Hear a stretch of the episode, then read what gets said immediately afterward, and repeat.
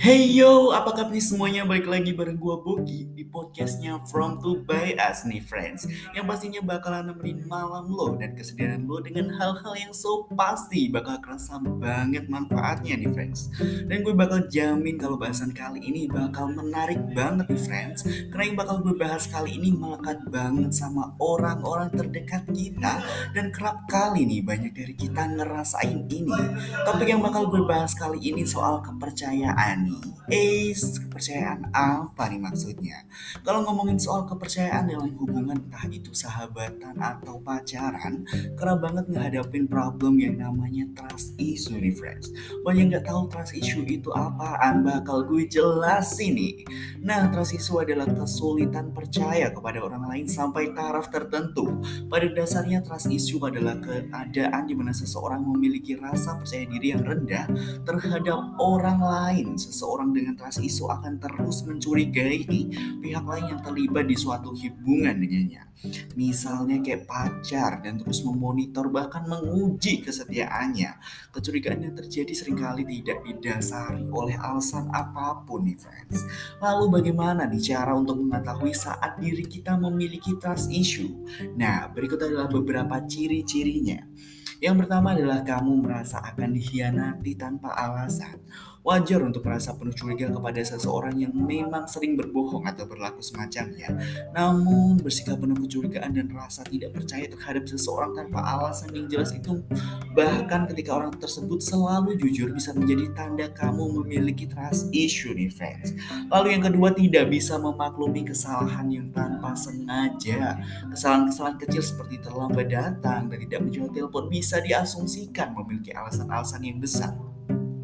Contohnya nih, ketika pasangan yang tidak mengangkat telepon, ia dapat berpikir bahwa pasangannya sedang bersama perempuan atau laki-laki lain friends. Kemudian yang ketiga di sini adalah selalu mengasumsikan kemungkinan terburuk. Seseorang dengan trust issue dapat mengasumsikan kemungkinan terburuk dari suatu kejadian, kecurigaan dan ketidakpercayaannya yang membuat ia terus negatif thinking seperti ini. Jadi lo nggak mau kan kalau terus-terusan negatif thinking ke orang lain.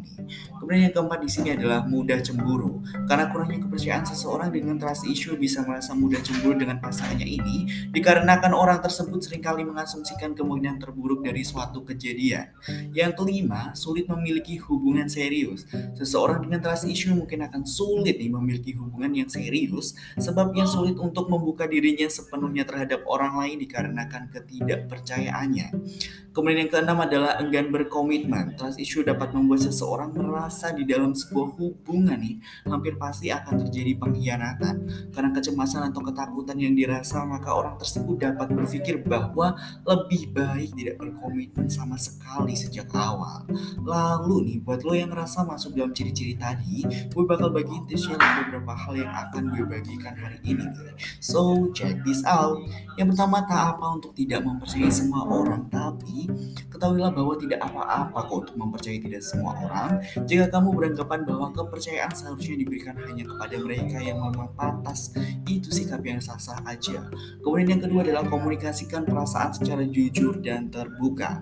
Kamu dapat mengkomunikasikan perasaan kamu dengan jujur dan terbuka kepada seseorang yang dekat dengan kamu untuk mendapat support system yang penuh pengertian. Jika sesuatu yang terjadi memicu rasa kecurigaan dan trust isu kamu, kamu pun bisa meminta pendapatnya mengenai situasi tersebut di samping orang terdekat. Kamu pun bisa berbicara dengan terapis atau psikolog nih mengenai masalah kamu bila dirasa perlu nih friends. Kemudian yang ketiga di sini adalah jangan mendesak diri sendiri. Kamu pun tidak perlu mendesak diri sendiri. Prosesnya mungkin akan membutuhkan waktu dan itu is okay aja friends. Kepercayaan diri kamu juga perlu untuk lebih dibangun lagi karena kepercayaan diri bisa berpengaruh terhadap kemampuan seseorang untuk mempercayai seseorang. Nah, itu tadi beberapa informasi yang bisa gue bagikan di podcast hari ini. Jangan lupa buat dengerin dan pantengin podcast-podcast dari FTB nih, biar banyak informasi yang bisa lo dapet siap malam ya pastinya. Nah, itu aja dari gue. See you on the next episode and bye-bye.